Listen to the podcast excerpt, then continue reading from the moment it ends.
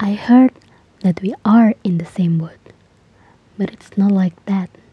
We are in the same storm, not in the same boat.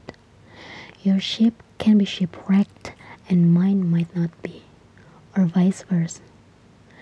Ya, kira-kira kayak gitu penggalan dari sebuah puisi tentang COVID-19 yang sempat ramai dan viral di pertengahan tahun ini. Kalau gue ngomongin tentang 2020, kira-kira enak gak ya? Yuk dengerin cerita gue tentang 2020 ini.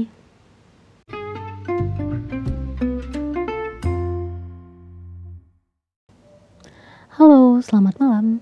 Welcome back. Selamat datang kembali di Bakmi Bincang-bincang ala kadarnya bareng Ami. Dan ini masuk ke episode ketiga di mana ada dalam rangkaian 30 Days Podcast Challenge yang gue bikin untuk diri gue sendiri sih. Oke, okay, um, untuk mengawali podcast gue, gue mau kasih disclaimer dulu nih. Jadi semua yang akan gue utarakan di podcast ini adalah murni ya pendapat pribadi gue. Jadi kalau misalnya ada yang gak sependapat dan ada yang gak setuju, monggo silakan. Bebas kok orang-orang berpendapat dan beropini. Karena ini murni adalah opini gue sendiri. Kalaupun kalian ada yang setuju, terima kasih. Berarti kita ya setidaknya ada pemikiran gitu ya. Oke, jadi di episode kali ini gue mm, mau sedikit berbicara tentang tahun 2020 ngerasa gak sih kalau misalnya tahun 2020 ini tuh tahun yang berat untuk kita semua Gak cuman untuk gue, keluarga gue, Jakarta, Indonesia, tapi untuk dunia ini. Um, bisa dibilang kayak ini tuh benar-benar jadi tahun di mana semua hal, semua orang dan ya segala sesuatunya itu benar-benar pace-nya jadi sangat-sangat melambat gitu. Jadi banyak orang juga yang bilang kalau tahun 2020 ini adalah tahunnya survive. Jadi buat topik kali ini gue mau apa ya kasih highlight year 2020 survival mode on. Ya, kayak kita udah um, bergerak semua untuk hal-hal bertahan hidup ya karena ya bisa dilihat sendiri dari awal tahun uh, gue pribadi juga cuma merasakan normal gitu. Normal normalnya itu kayaknya sampai bulan Februari atau Maret Maret awal lah. Sampai ada stated di 12 Maret ya kalau nggak salah. Itu uh, dikasih tahu tentang kasus pertama corona di Indonesia. Oke, okay, kenapa gue bisa bilang tahun ini tahun yang berat, tahun bertahan hidup? Karena ya bisa dilihat nggak cuman orang-orang dengan status status sosial ke bawah yang ngerasain ini, tapi orang-orang yang status sosialnya di atas juga ngerasain.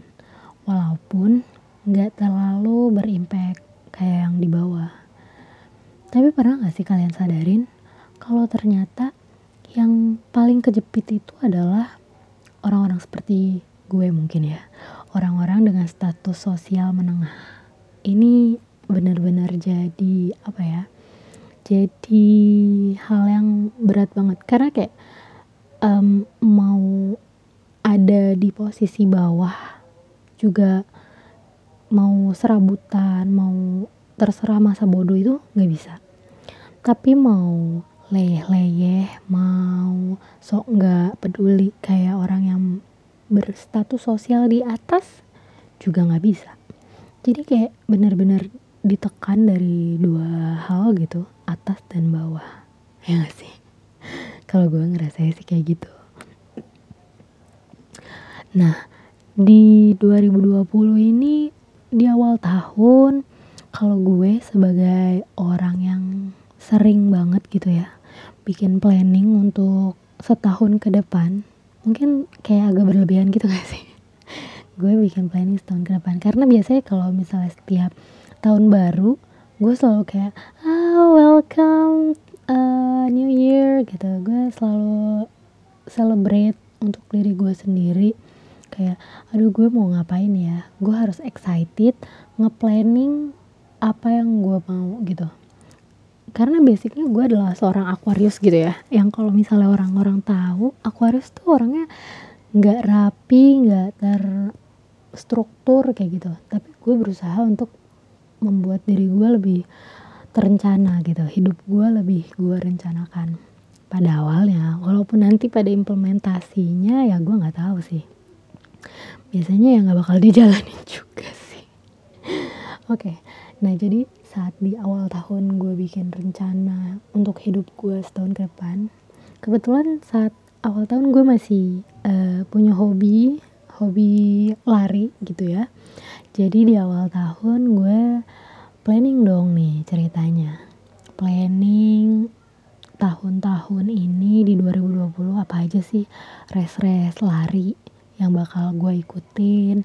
Terus gue udah sampai memperinci gue udah bikin rincian biaya buat setiap event lari yang mau gue ikutin. Hebat ya. Itu di atas kertasnya doang sih tapi ya implementasinya ya gimana Aquarius gitu. Tapi setidaknya gue udah punya niatan baik gitu kan. Terus gue udah bikin terus gue juga udah bikin kira-kira planning buat apa ya buat lari gue latihannya kayak gimana. Terus gue juga udah planning kira-kira dalam tahun ini gue bakal vacation ke mana aja. Gue bakal traveling ke mana aja sih. Itu gue udah planning gue udah punya dua tempat. Selain si Runcation ini ya. Terus juga selain itu gue udah bikin planning untuk bikin usaha gue lebih berkembang gitu. Jadi memang sebelumnya gue di akhir tahun kemarin gue memulai usaha bisnis kuliner kecil-kecilan gitu untuk gue lakuin kayak buat ngisi waktu dan ngisi pundi-pundi receh-receh. Tapi ternyata itu nggak receh juga sih. Lumayan lah. Kalau gue summary-in di kayak tiga bulan di akhir tahun kemarin itu hmm, pendapatannya ya omsetnya ya bisa nutupin gaji gue. Jadi selama uh, itu beroperasi gitu kuliner kecil-kecilan gue itu beroperasi sampai sebelum si corona ini menghantam menghantam usaha kecil-kecilan gue itu gue merasa gue bisa nih uh, ngejalanin usaha ini. Apalagi saat itu gue masih belum yang ngefokusin untuk everyday rutin daily rutin gue jualan gitu. Itu gue masih yang mas cuman terima uh, pre-order seminggu dua kali.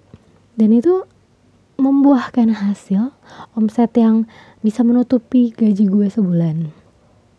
Lumayan banget kan? Jadi kayak di 2020 gue pengen ekspansi nih. Setidaknya gue pengen lebih menseriusi usaha kuliner kecil-kecilan gue ini gitu.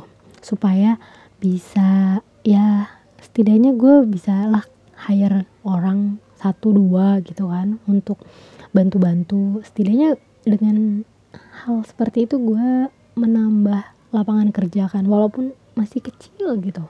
Tapi itu yang gue pengenin tadinya di awal 2020 sebelum ada si virus-virus jahat ini oke okay.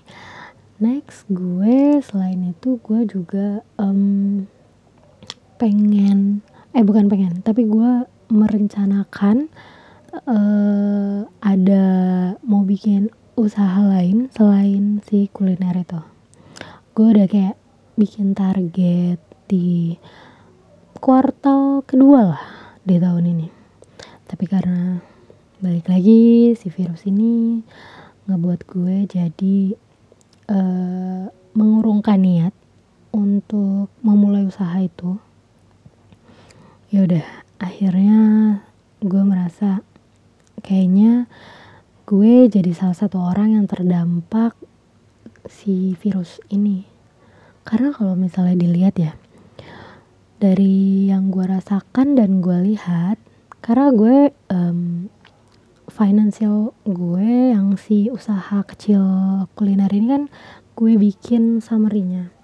Dan ini dalam berapa bulan si lockdown itu benar-benar gue nggak ada pemasukan ataupun kalau misalnya ada itu nggak seberapa nggak bisa menutupi omset dan nggak bisa menyamai angka di bulan-bulan sebelum ada si virus ini. Ya akhirnya gue merasakan apa yang dirasakan oleh orang-orang gitu.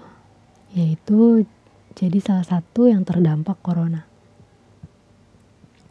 Gue sih nggak habis pikir untuk pengusaha yang bukan pengusaha ya gue belum bisa mengatakan diri gue pengusaha untuk orang yang masih berusaha punya bisnis apalagi di bidang kuliner kayak gini gue ngerasa hmm, ini tuh jauh banget gitu dari ekspektasi gue untuk penjualan apalagi omset gitu. Ini benar-benar nggak bisa jadi sebuah apa sumber utama gue di finansial. Jadi gue harus mencari cara untuk memper menambah menambah sumber pendapatan gue. Selain dari gaji gue sebagai karyawan gitu ya. Ya gue harus putar otak gitu kan. Gimana caranya nih? Gue mendapatkan penghasilan dari sumber lain. Secara selama lockdown kemarin gue masih gak berani untuk beberapa bulan buka jualan gue itu. Tapi setelah gue pikir-pikir kalau misalnya gue nggak berani untuk buka pre-order lagi gue nggak akan dapet dong dari sumber lain nih. Ya gue cuman bakal makan gaji doang. Padahal di rumah gue sendiri istilahnya ya ya mau nggak mau ya ikut bantu-bantu gitu ya. Karena kan gue masih tinggal sama orang tua. Lalu gue cari-cara harus putar otak gimana nih caranya gue bisa melipat gandakan uang dengan cara yang halal? Ya akhirnya mau nggak mau gue buka lagi tuh usaha kuliner kecil-kecilan gue. Walaupun setelah gue reopening ya memang pendapatannya nggak seberapa sih. Tapi setidaknya bisa nambahin buat ya daily expense lah. Ya itu gue mulai berasa sedih karena apa yang gue inginkan apa yang sudah gue rencanakan dengan matang itu nggak ter ter apa ya nggak terimplementasi dengan baik. Ya itu dari segi usaha dari segi pendapatan gue itu gue sedih banget jujur tapi di sisi lain gue bisa uh, menambah kreativitas gue dengan kayak gue sedang merencanakan suatu usaha lagi gitu. Tapi memang ini udah gue rencanakan di awal tahun kemarin ya. Tapi yang gue bilang tadi gue masih belum berani. Dan mau nggak mau sekarang gue ya udah deh gue coba aja dulu nih. Akhirnya gue mulai cari-cari gitu kan ya udah ada nih sekarang barangnya tinggal gue launching aja. Tapi masih ya berkebatasan sama kegiatan gue. Jadinya masih mundur-mundur mundur-mundur lagi. Oh well hujan. Akhirnya. Terus juga untuk gue gue sebagai orang yang bisa dibilang OCD kalau misalnya OCD itu ya mirip-mirip lah ya sama orang-orang perfeksionis walaupun gue nggak perfeksionis tapi gue orang yang uh, parnoan apalagi dalam kondisi sekarang. Gue selalu mantau kasus positif kasus konfirmasi corona ini setiap harinya yang ada di Indonesia terutama di Jakarta. Dan itu benar-benar bikin gue stres. Tapi uh, ini bukan jadi bahan stres gue yang kayak gimana gimana enggak gue menyalurkan stres gue dengan cara lain kayak misalnya gue ngambil sesuatu hal yang lain kayak gue masak atau gue belajar ikut webinar atau gue nonton Netflix ataupun gue ya ngelakuin hal-hal yang gue suka lainnya. Dan di sini gue ngeliat um, kayaknya memang orang di saat pandemi kayak gini mereka nggak akan pernah kapok sampai si virus itu uh, sampai ke dirinya ataupun ke orang sekelilingnya. Karena kayak gue nggak ngerti sih. Orang-orang tuh mereka masih kesadarannya tuh kurang banget. Karena mereka mungkin mikirnya orang gue masih baik-baik aja. Oke okay, kalian baik-baik aja gitu. Tapi kan apa lo lah lo yakin kalau misal lo uh, baik-baik aja banyak kok kasus yang tanpa gejala gitu. Banyak kasus yang tanpa gejala tapi mereka akhirnya uh, spreading the virus ke orang lain yang imunnya lagi lemah. Jadi di saat pandemi kayak gini gue udah bener-bener udah gak pengen lagi gitu loh keluar-keluar. Gue pengen meminimalisir kontak dengan orang luar. Dan sekarang ini memang sudah saatnya menurut gue ya ini tuh kita benar-benar ya udahlah ini udah urusan masing-masing. Masalah safety udah urusan masing-masing gimana caranya kita ngejaga diri kita masing-masing. Dan yang gue agak hmm, susah karena memang di rumah gue itu kita masih kerja ya yang karyawan apalagi. Terus ada juga kakak gue yang wirausaha juga. Ya demi mengisi pundi-pundi dan tetap mengasapi dapur ya udah mau nggak mau. Dan gue sih berharap semua orang lebih aware ya sama dirinya sendiri ataupun sama keluarganya. Apalagi yang masih naik kendaraan umum.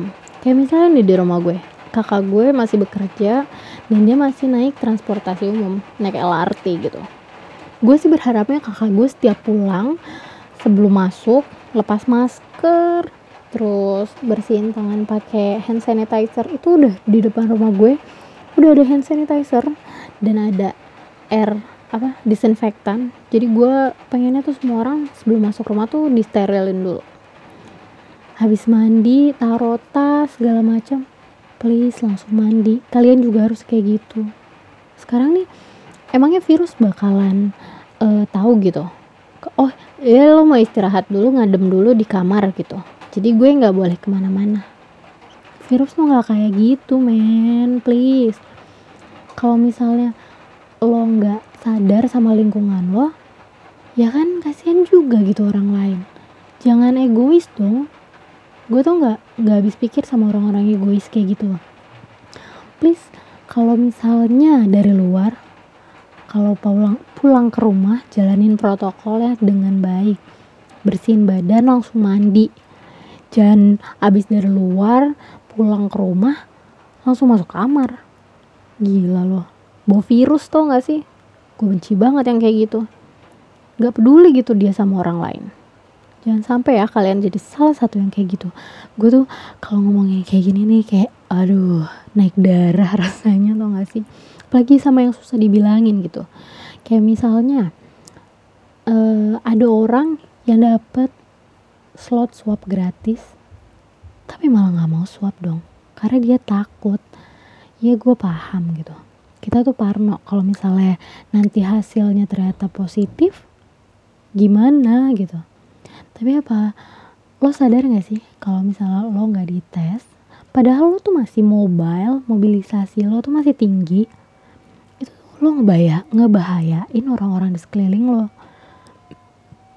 Gue gue bener-bener aware sama diri gue jadi gue aja kalau misalnya ke kantor gue sebisa mungkin lepas masker tuh cuma saat makan atau pas lagi cuci muka gitu. Setelah itu gue akan pakai masker terus. Gue nggak mau dong terpapar ataupun kalau misalnya jelek-jeleknya nih gue positif gue nggak mau sampai orang lain juga kena gitu. Jadi kita harus sama-sama saling bertanggung jawab ya. Jangan sampai amit-amit nih kalau misalnya lo positif lo nyusahin orang lain buat urusan tracing. Jangan sampai kayak gitu. Gue sih ya gue untuk diri gue gue meminimalisir hal kayak gitu. Hmm, jadi ngomongin COVID kan. Oke, ini tentang survival mode ya. Nah, setelah uh, di usaha kecil-kecilan gue ini, gue harus tetap bertahan hidup dan di dunia nyata gue juga tetap bertahan hidup. Gimana nih di uh, lingkungan pertemanan sosial? Gue juga pengen mempertahankan lingkungan sosial gue sebenarnya Kayak misalnya sebenarnya masih banyak nih teman-teman gue yang nongkrong di luar ataupun ngajak main. Ya mungkin mikirnya masih ya kita kan uh, nggak ke mana-mana atau ya kan kita pakai masker. Sorry to say kalau misalnya gue sering uh, nge-reviews apa nge-reject. Apa sih kalau nge-reject tuh bahasa Indonesia? Sering nggak ikut gitu pokoknya. Gue nge-reject invitation dari teman-teman gue kalau misalnya ngajak ngumpul ngajak main ngajak makan ngajak ketemu itu sering banget gue tolak. Nah tolak. Sering gue tolak ya sorry banget nih. Karena kalau misalnya lo pikir lo nggak pernah kontak sama siapa-siapa atau lo cuman pergi ngantor rumah ngantor kosan. Tapi gue nggak tahu kan lo di jalan terpapar sama siapa lo di jalan ketemu siapa apalagi kalau misalnya lo naik kendaraan umum atau lo mampir dulu ke mana ke supermarket atau lo mampir dulu ke tempat makan walaupun hanya untuk take away. Gue nggak pernah tahu kalian kontak sama siapa. Jadi sorry tuh say kalau misalnya gue benar-benar meminimalisir pertemuan dengan teman-teman gue. Bukannya gue nggak mau bukannya gue nggak cinta bukannya gue nggak sayang ya. Tapi ya itu gue takut men. Gue takut uh, gue terpapar ya entah dari siapa aja gitu. Nggak cuma dari orang yang ngajak gue. Tapi ketika gue keluar rumah resikonya itu jadi semakin besar dong ketimbang gue hanya di rumah.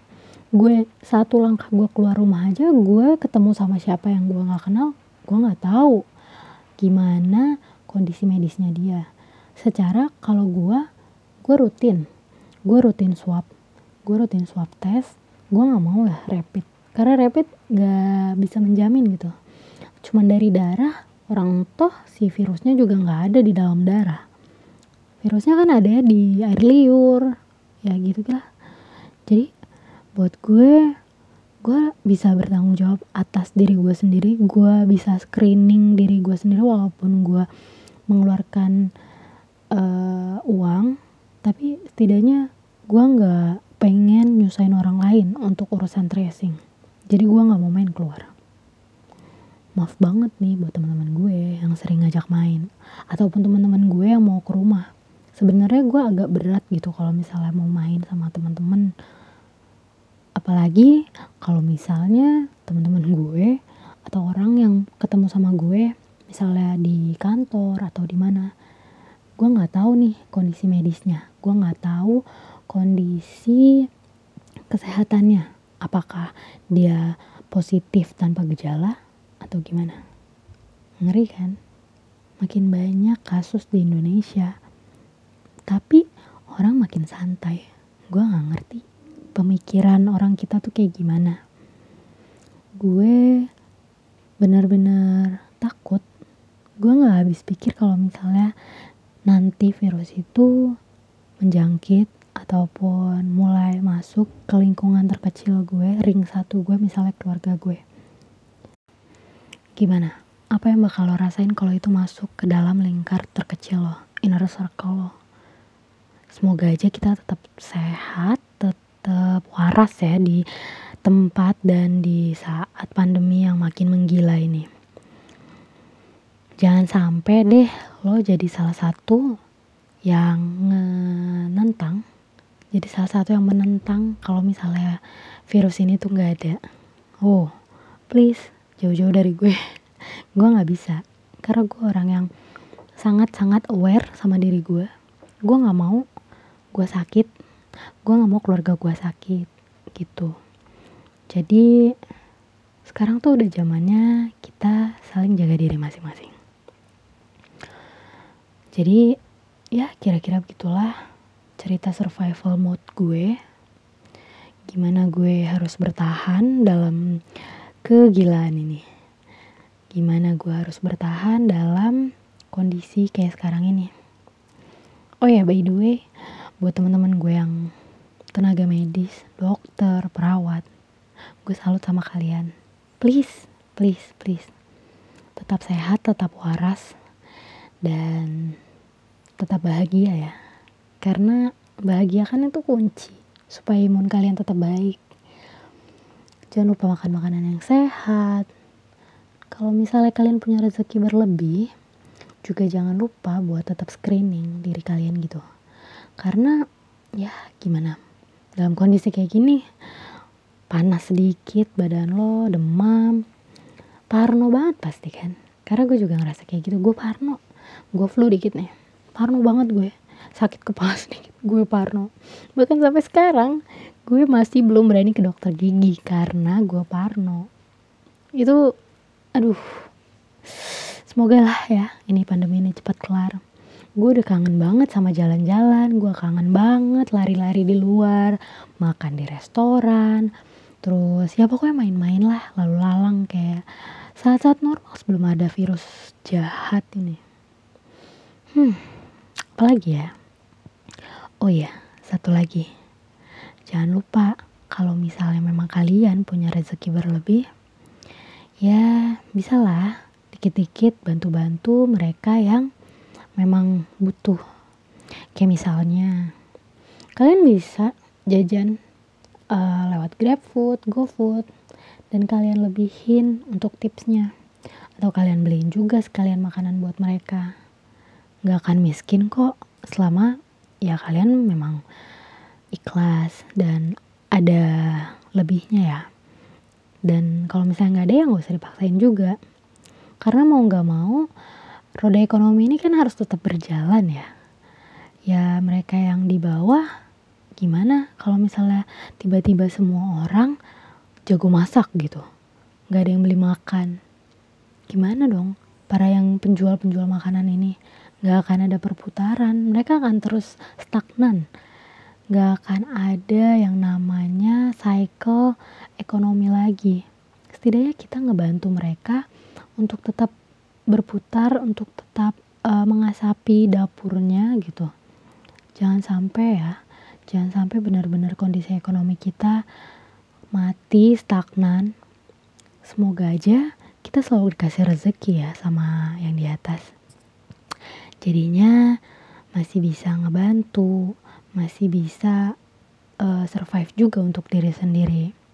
Karena gue yakin tahun 2020 ini tahun yang berat banget buat kita semua. Gak cuma gue, tapi lo, keluarga lo, atau perusahaan lo sekalipun, perusahaan besar sekalipun ini terdampak banget. Jadi tetap semangat dan yakin aja kalau semua ini bakalan berlalu. Yakin aja kalau ada hikmah di balik semua ini. Segini aja dari gue. Mungkin panjang banget ya. Tapi gue harap adalah yang uh, tersentuh. Tersentuh gue nggak tahu sih. Ada yang berpikiran sama sama gue. Jadinya kita sama-sama suportif. Kita sama-sama saling bertanggung jawab di kondisi yang kayak sekarang oke okay, see you tomorrow di episode selanjutnya. Bye bye